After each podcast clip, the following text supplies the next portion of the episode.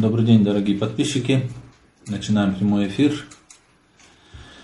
Сегодня эфир будет касаться темы некого, так скажем, воображаемого, что ли, путешествия, размышления и того, как человек должен, грубо говоря, размышлять над тем, что его окружает.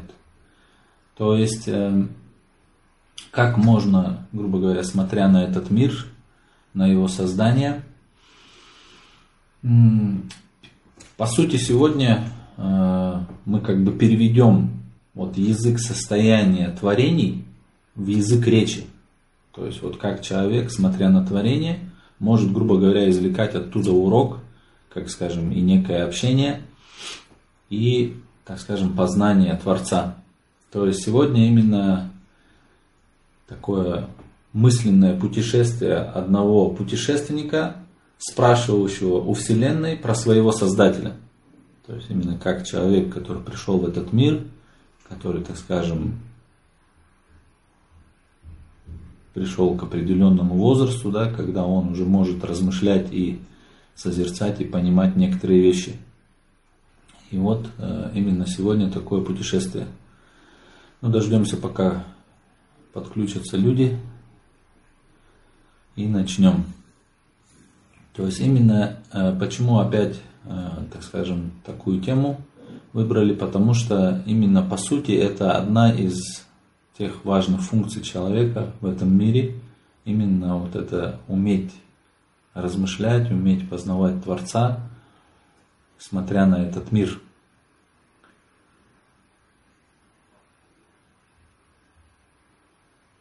Такое, так скажем, своеобразное путешествие по, по неким страницам этой книги Вселенной. То есть, если представим, что это Вселенная некая книга, то мы сегодня будем как бы поэтапно, по неким ступеням путешествовать по этим страницам и э, будем, так скажем, у Вселенной спрашивать о ее создателе. И эта Вселенная языком своего состояния, который будет переведен в язык речи, будет нам рассказывать о своем создателе. И в первую очередь, грубо говоря, когда э, самая такая яркая страница этой книги Вселенной, это, конечно, небеса, поэтому мы тоже начнем именно с этой страницы, да, со страницы небес. То есть, когда человек смотрит на эти небеса, да, то есть на воздушное пространство, потом на землю, на то, на то. То есть именно вот так по неким ступеням будем путешествовать и узнавать о Творце, о Его могуществе, знании и так далее. Подождем еще, пока несколько человек подсоединится. и начнем эфир.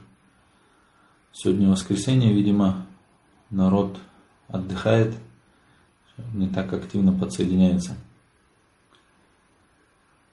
Ну, подождем.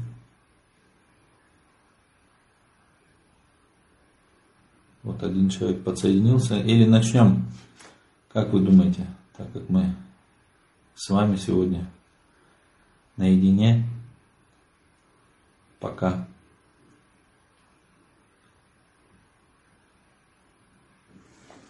Наверное, начнем, так как время эфира было заранее обусловлено. Кто хотел, тот подсоединился. Кто не успел, не смог, потом посмотрят э, в записи. Да, каждый гость, прибывший в этот земной край и гостиницу, открыв глаза и посмотрев, увидит.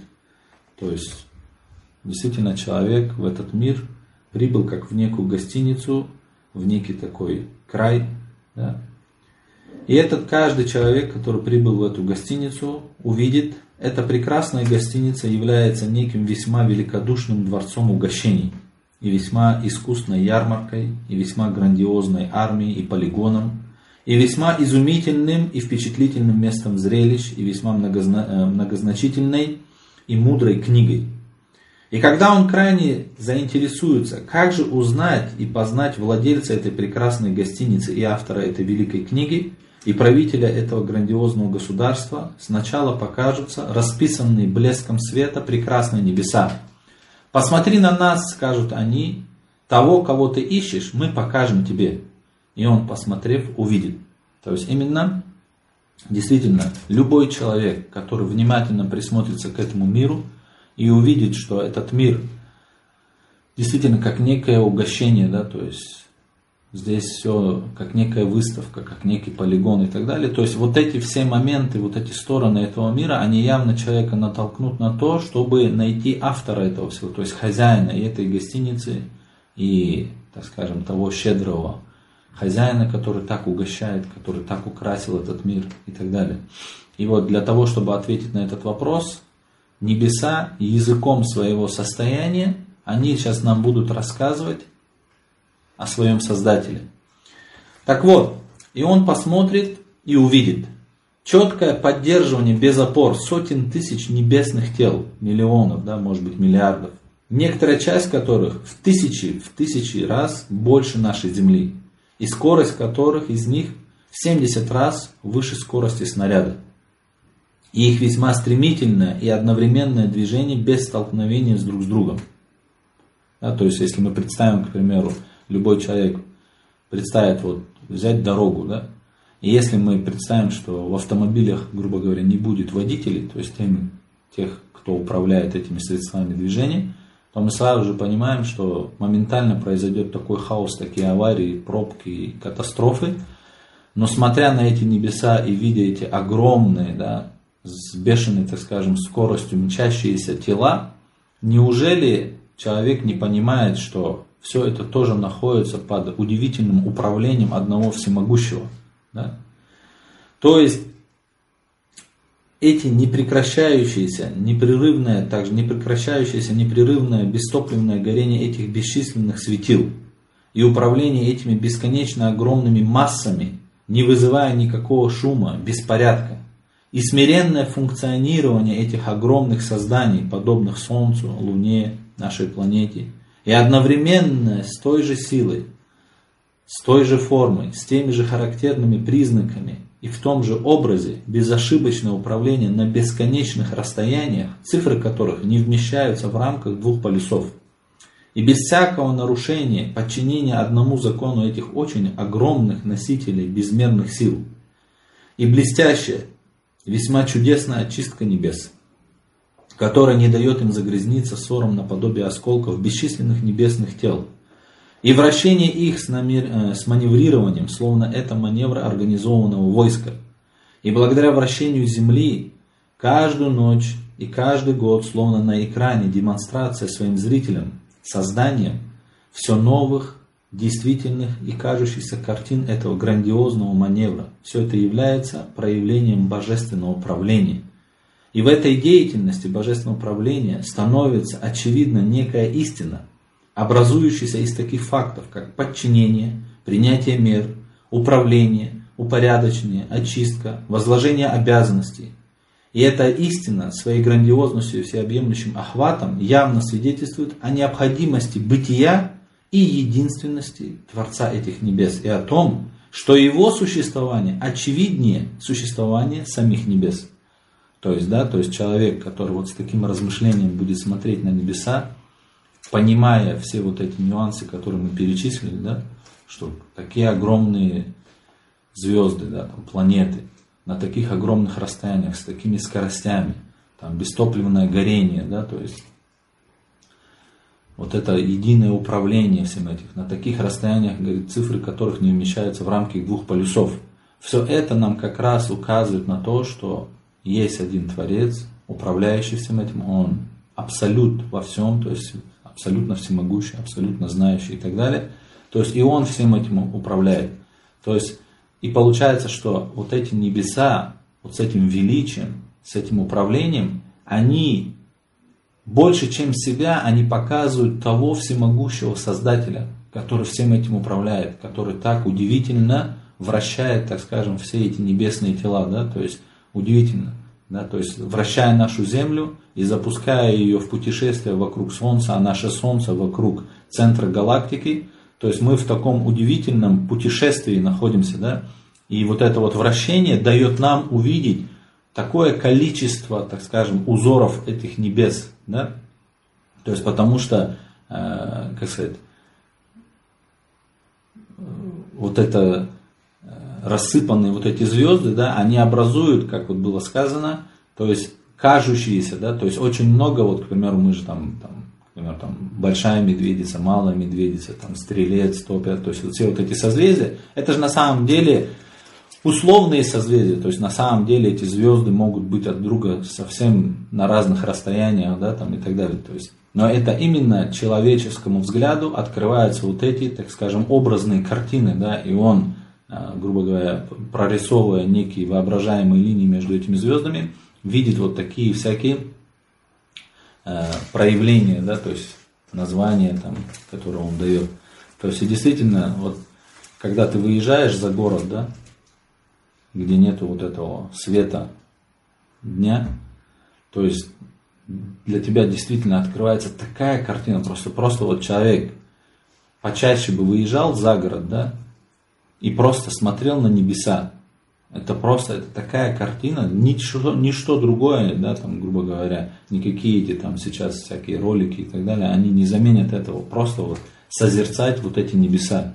И действительно, когда человек, созерцая это великолепие и видя это то есть и понимая, грубо говоря, в своем разуме, насколько это все грандиозно, то есть он поймет, что обязательно есть этот Творец, и он один и единственный, и он абсолют во всем.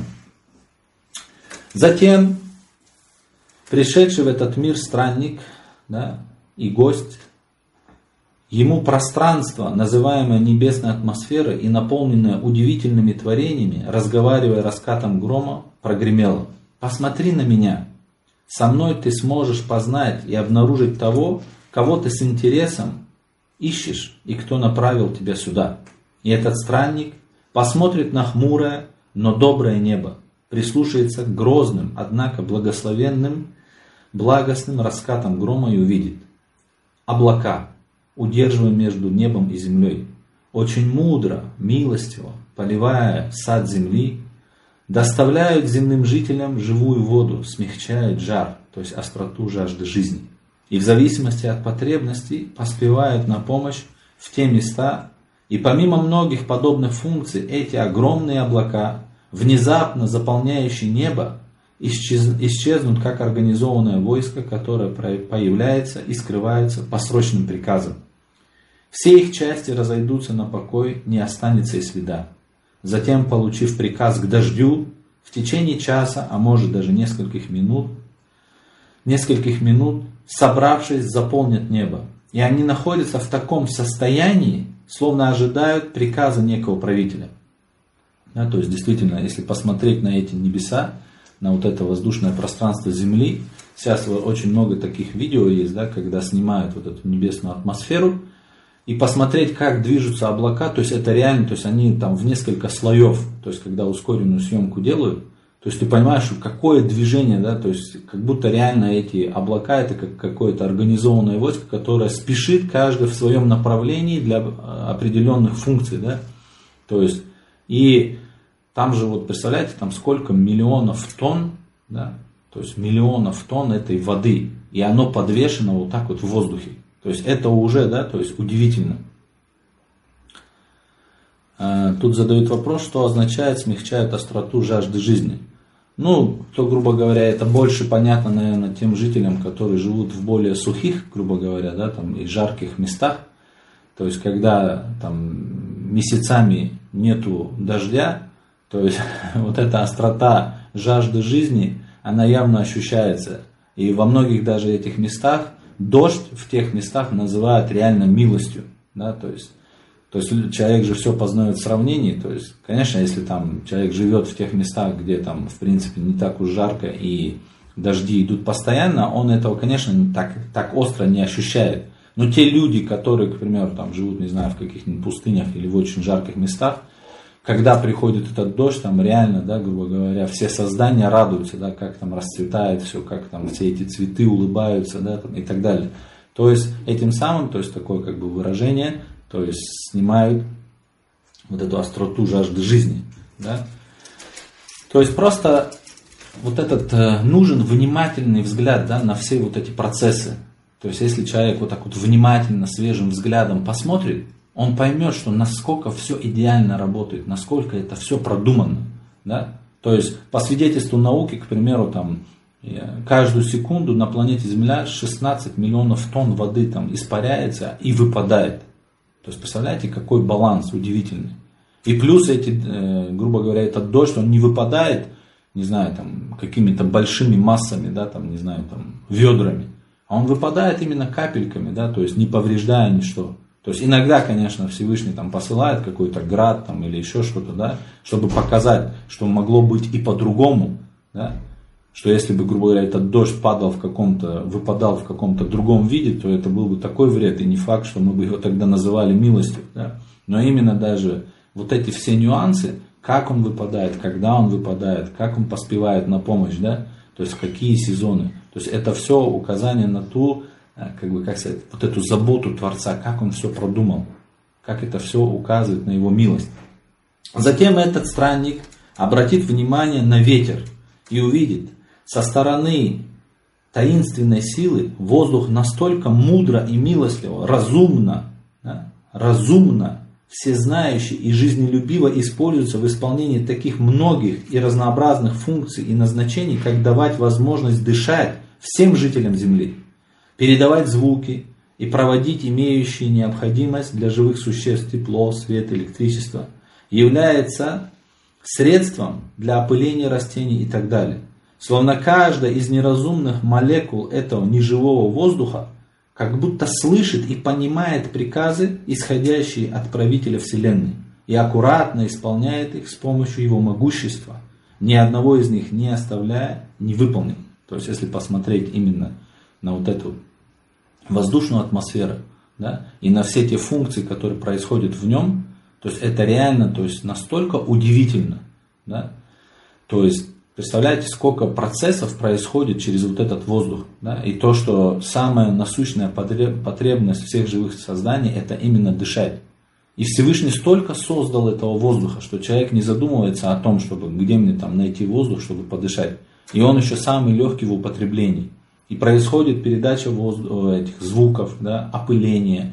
И тысячи, тысячи, может быть, миллионы процессов. И все это происходит в этом воздушном пространстве. А кто всем этим управляет? Неужели у этих там атомов и молекул воздуха есть разум, чтобы они одновременно такое количество функций выполняли? Да, то есть, если мы, грубо говоря, разумному человеку дадим попробовать выполнить все эти функции, он быстренько запутается и просто не сможет, просто раздавится под тяжестью этих функций и дел. Но мы видим, что этот воздух, это воздушное пространство, очень четко, без ошибок, постоянно все это выполняет, то есть никаких проблем. Да? То есть это все опять же указывает на что? На могущество, да? на вот эту милость, знание всемогущего Творца, что это все происходит только под его управлением. Затем этот гость приглядится к дождю и увидит, в этих нежных, чистых и приятных каплях, посылаемых из ничего, из некой скрытой сокровищницы милости, имеются такие божественные дары и назначения – что кажется, милость, воплотившись в виде капель, льется из сокровищницы Божьей э, заботы, да, то есть божественной милости. Может быть, поэтому его в некоторых местах называют милостью.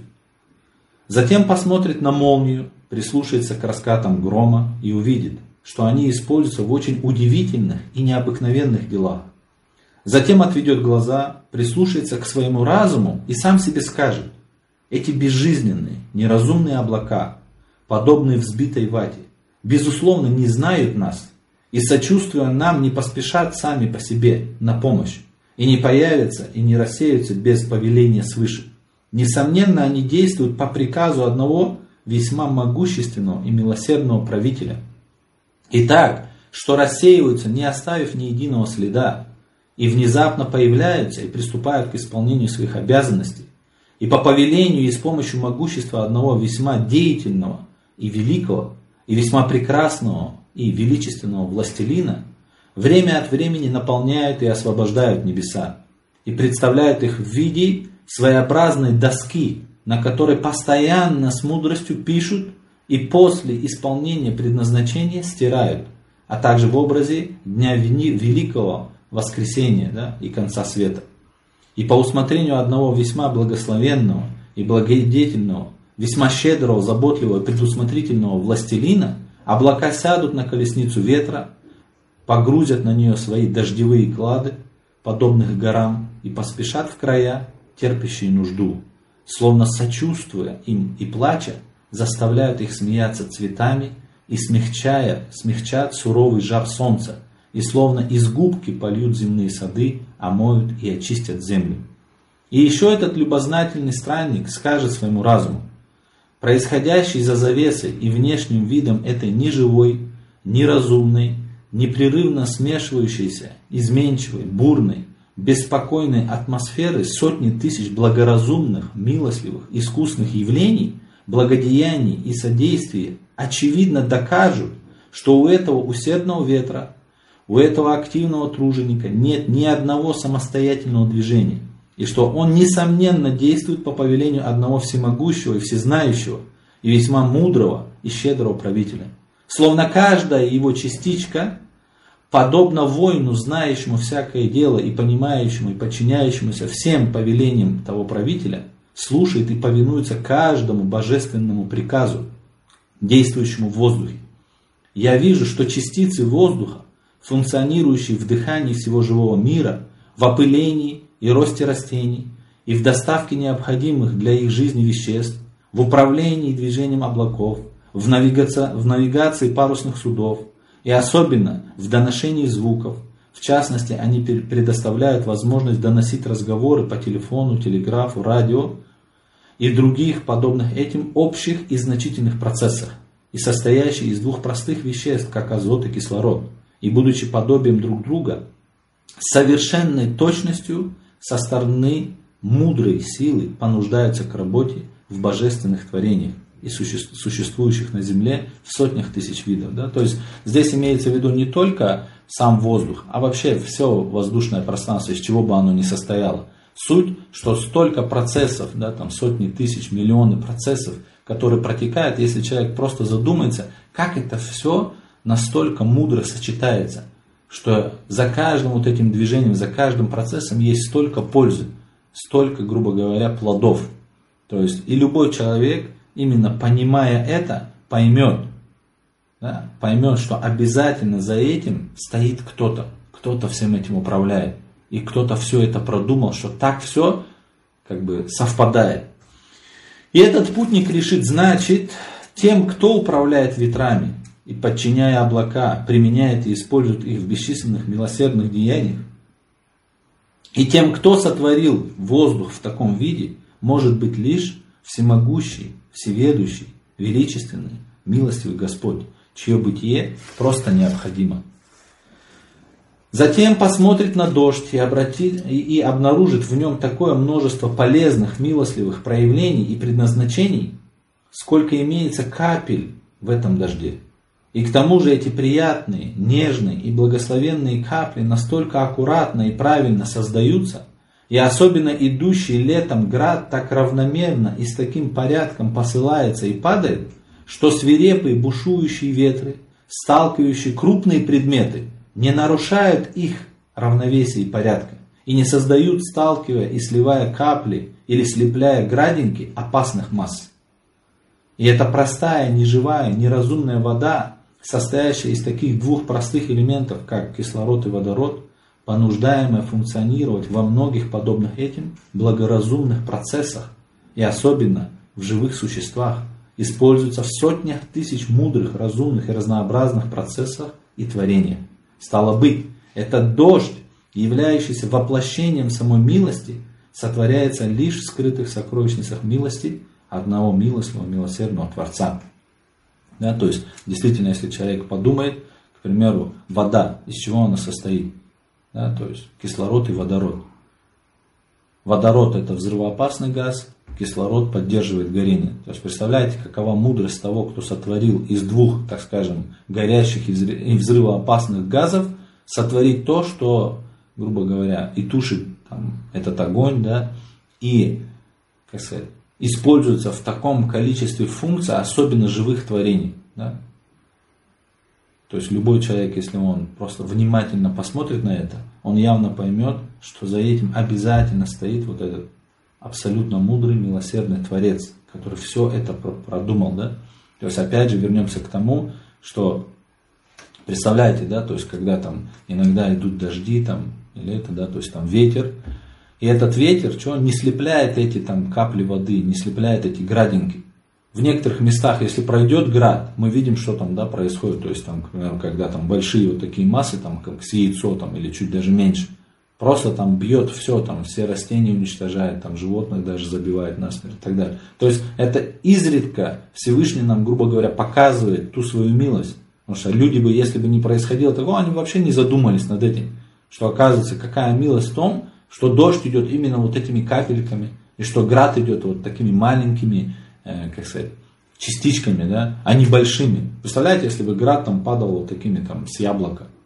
Все это просто подобно смерти. То есть кто попал, тот все там погибнет под ним. То есть это же все указание на то, что там в скольких там какой процент, когда там идет действительно там какие-то опасные массы. И то, скорее всего, это все происходит только из-за деятельности человека. То есть человек, вмешиваясь в тот порядок, который существует на земле, который установил Господь, так как человеку дана вот эта свобода выбора, да, и человек злоупотребляет этой свободой выбора, вмешиваясь в эти процессы все своей вот этой жадностью, ненасытностью, да, то есть там потреблением, потреблением вот этим неумерным, да, нарушает вот этот баланс, и, как правило, его вот касаются вот такие вот какие-то происшествия, которые там в воздушном или в водном, или там в земле там происходят, да, то есть вот в этих пространствах. То есть чаще всего это именно результат злоупотребления человека. Да, то есть и, грубо говоря, к нам приходит вот этот ответ со стороны Творца, что если вы будете нарушать тот порядок, который Господь установил, уже в этом мире вы будете пожинать плоды. А если ваши преступления будут очень большие, то и в ином мире вы будете отвечать за свои действия.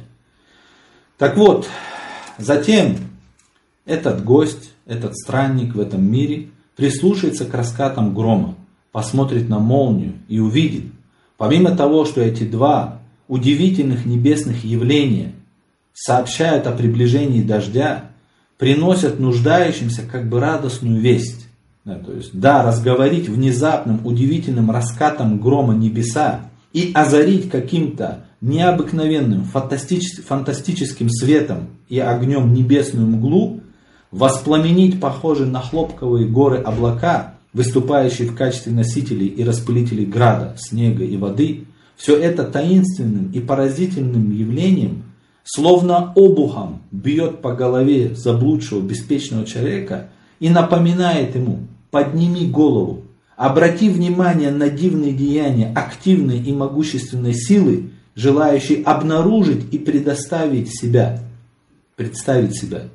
Подобно тому, как ты не являешься праздным, так и эти явления не могут происходить сами по себе и бессмысленно. За каждым из них закреплены обязанности, содержащие глубокий смысл.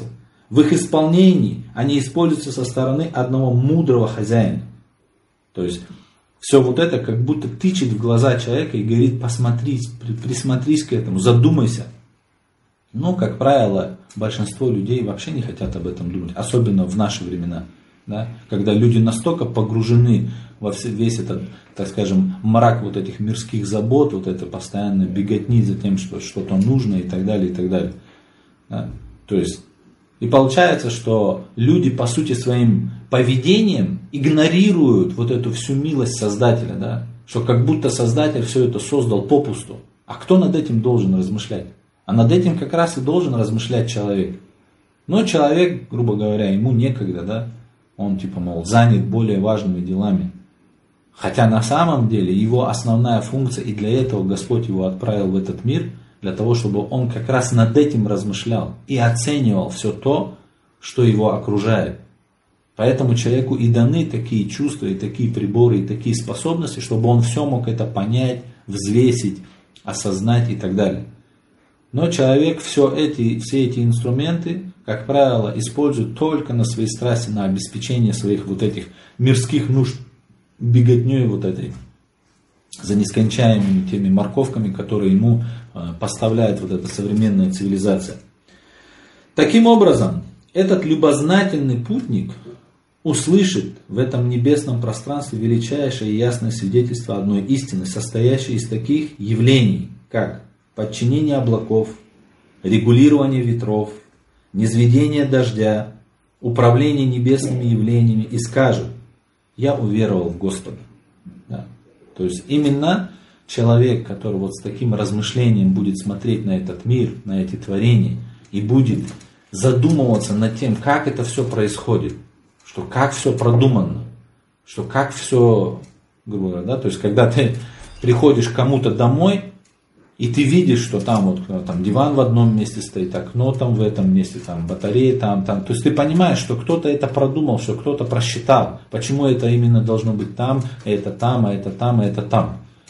То есть ты явно понимаешь, что это все продумано, что это все заранее спланировано, и что это построено по определенному плану. Вот постарайтесь таким же взглядом посмотреть на этот мир. Ну как так, что все так удивительно совпадает?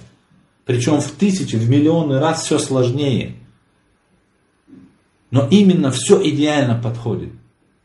И именно наше воздушное, вот это пространство, да, состоит там из семи этих слоев, где каждый слой там выполняет функцию некой защиты, да, то есть эти плотные слои атмосферы, которые именно пропускают тот нужный там, спектр там, вот этих излучений от Солнца, который именно нужен для тех созданий, которые э, находятся на Земле. И все вот это, это, хотя вот рядом какие-то планеты, и у них вот этого уже нету. И, соответственно, мы не видим там той, того разнообразия жизни. Конечно, там есть, как мы в предыдущих эфирах говорили, да, то есть есть жизнь, но она там, скажем, духовная, да, там, там ангелы и так далее. Итак, вот такого подобного рода размышления, да, так скажем, путешествия мысленные, да, поэтому очень полезно периодически выезжать на природу, да, и созерцать вот эти творения, которые нас окружают. То есть отбросить вот это все, что нас постоянно отвлекает, вот эти все, так скажем, гаджеты и так далее, а просто почитать эту книгу Вселенной, да, то есть посидеть, поразмышлять, посмотреть внимательным взглядом, да, внимательным взором, присмотреться, как все создано, насколько все мудро, насколько все подходящее для человека. И вот именно в этом и на самом деле есть то удовлетворение для человека, да, его, скажем, вот этих духовных потребностей. Ну а потом уже человек от заочного поклонения, грубо говоря, да, от заочного такого познания уже может переходить и к обращению к самому Творцу. Если есть какие-то вопросы, задавайте. Если опять же не успеете сформулировать или на данный момент не созрели вопросы, то задавайте их в директ. А, я подожду еще, потому что бывает отставание в эфире на несколько секунд, там 10-15 секунд. Просто многие люди не успевают задать вопрос. А, мне пишут об этом. Так, тут задают вопрос. Как, на ваш взгляд, современная философия, э, трактовка смысла бытия человека? Через человека Вселенная познает саму себя. Я что-то, если честно, не понимаю, как понять. Через человека Вселенная познает саму себя. Если честно, я не встречался с такой трактовкой философской. Но что такое Вселенная, да, то есть, если, опять же, когда человек начинает путать, грубо говоря, и приписывать творениям, а, грубо говоря, качество Творца, то, скорее всего, и возникают вот такие вот трактовки, вот таких вот смыслов, да. То есть, на самом деле, это же глупо. То есть, чтобы Вселенная через человека познает себя.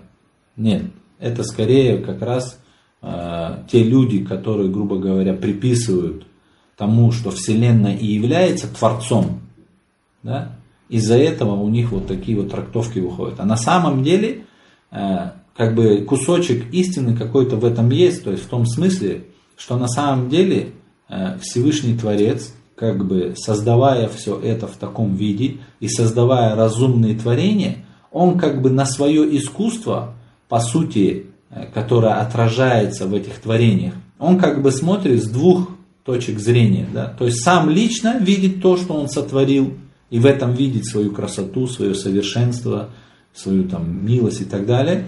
И посредством разумных созданий, пусть это будут люди, пусть это будут какие-то духовные создания, пусть это будут ангелы, Всевышний Творец смотрит на творение, грубо говоря, э, э, с точки зрения как бы взглядом вот этих разумных созданий. И для этого и человеку, и другим разумным созданиям Всевышний дал некие приборы, некие там чувства и так далее, и так далее чтобы они могли вот это попробовать, пощупать, так скажем, да, э, получить вот эту, так скажем, информацию.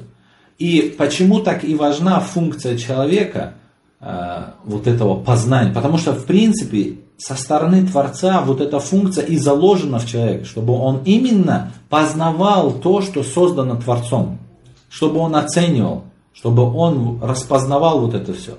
А как только человек отходит от этого, да, грубо говоря, и занимается своими вот этими, так скажем, сугубо чисто мирскими делами, то есть погрязнув в своих там суете вот этой, да, то, что просто нужно обеспечить там какие-то. Хотя на самом деле человеку для того, чтобы жить в этом мире, не так уж много и надо. То есть, грубо говоря, вот если серьезно подумать, человеку для того, чтобы прожить в этом мире, там реально ну, пять вещей нужно чтобы именно прожить вот эту короткую жизнь, да, там, пускай там будет 60, 70, 80 лет. Правильно? Но эта цивилизация что делает? Она навязывает человеку через вот эти, как сказать, мнимые нужды. Не пять таких, а 500, может быть, тысячу таких вещей.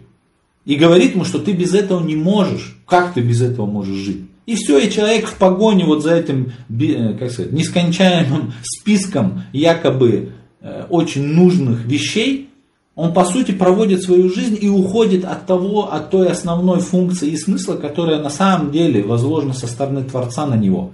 То есть, а это именно познание и оценка всего то, того, что создал Творец.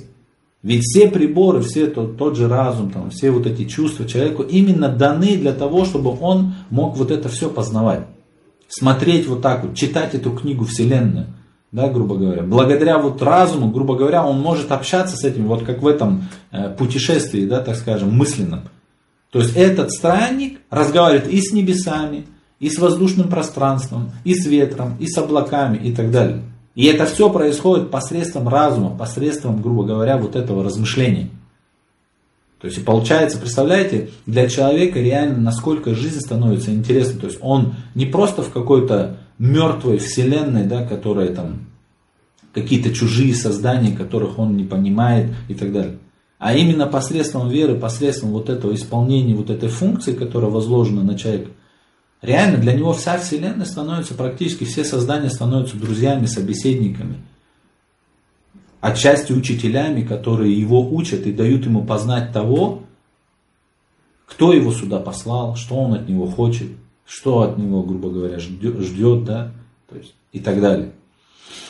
Поэтому я думаю, вот именно эти люди, эта философская трактовка именно исходит из этого, из-за того, что они спутали Творца с творением, то есть приписав Вселенной качество Творца и считая, что Вселенная и есть твор, твор, Творец, из-за этого у них вот такой вот взгляд, что якобы Вселенная через человека познает саму себя. Нет, это глупость, конечно. Во-первых, Творец, он не то, что познает самого себя. Да? То есть, во-первых, разница, что Вселенная это не Творец, и Творец это не Вселенная. Да? То есть, Творец, он сам лучше всего себя знает. Но именно Всевышний Создатель, грубо говоря, использует все вот эти творения для того, чтобы смотреть на свою красоту, которая будет отражаться, и также совершенство, которое будет отражаться, грубо говоря, то есть проявляться в том, что он создан. Просто он с двух сторон сам лично смотрит и посредством разумных созданий, которые он создал. Их тоже очень много видов. Да?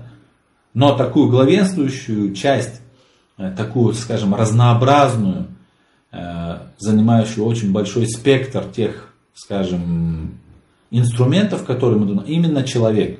Потому что, к примеру, многое, то, что может познать человек, к примеру, ангел не может познать. Да? То есть ангел, к примеру, не нуждается там, в пище, ангел там, не болеет и так далее. А человек нуждается в пище, соответственно, он с этой стороны познает Творца, ту милость Творца, ту мудрость Творца, как он все это создал, виды пропитания и так далее. Или, к примеру, человек болеет, да? и в том исцелении который дает Творец, он познает ту милость и так далее. Конечно, вот эти стороны для ангелов недоступны. А для человека все это доступно. Так, еще задаю вопрос, а по какой причине они спутали?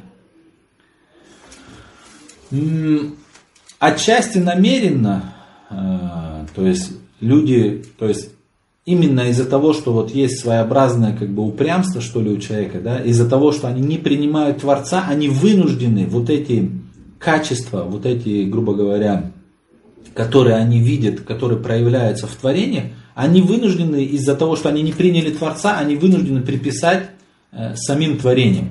То есть это как в том примере, да, когда человек выходит в полдень и видит, что во всех блестящих вещах, грубо говоря, проявляется отражение солнца, то есть в капельках, в каких-то стеклышках, в лужицах и так далее, и так далее, у человека как бы два варианта. Либо нужно признать, что есть одно небесное солнце, и все те маленькие подобия это его отражение.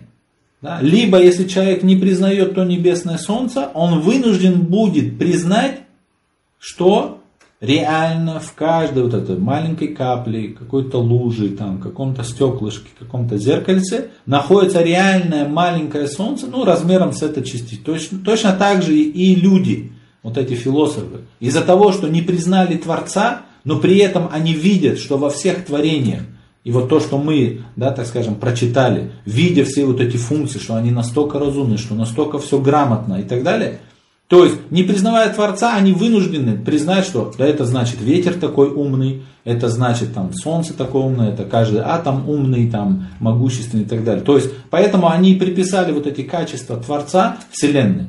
То есть, отчасти это от упрямости, да. То есть, а если человек допускает, что есть Творец, и это на самом деле, грубо говоря, более разумно. То есть, есть два вот этих, да, э, вот пути, по сути, перед человеком. Один путь да, он грандиозен, да, как бы охватить и понять, что этот Творец, он абсолют во всем, что он настолько всемогущий, да, там, всезнающий и так далее. Но этот путь вероятен, и он логичен. А второй путь, это, грубо говоря, приписать все это Вселенной, да, грубо говоря, всем творениям. Но этот путь, он невозможен. Понимаете? Просто у него получится куча противоречий. То есть одновременно все творения должны друг другу подчиняться и друг другом командовать. Да? И одновременно понятно, что эта вселенная имела начало, но тогда как она была, как она появилась. То есть получится какую-то нужно там бесконечную цепочку рисовать. Да? Ну и далее. То есть куча вот таких вот тупиковых вариантов происходит. То есть приписать там частички разума, как, не знаю, там у тысячи Платонов, ну это же бред. Но они вынуждены от сути, по сути, вот от этой упрямости принимать этот бред, лишь бы не принять ту истину. Как-то так. Если есть еще вопросы, задавайте. Если нету, то завершим эфир. Также можете задавать в директ вопросы или темы, какие хотим осветить. Ставьте лайки, комментируйте, подписывайтесь. Это для нас важно. Всем всего доброго. До свидания.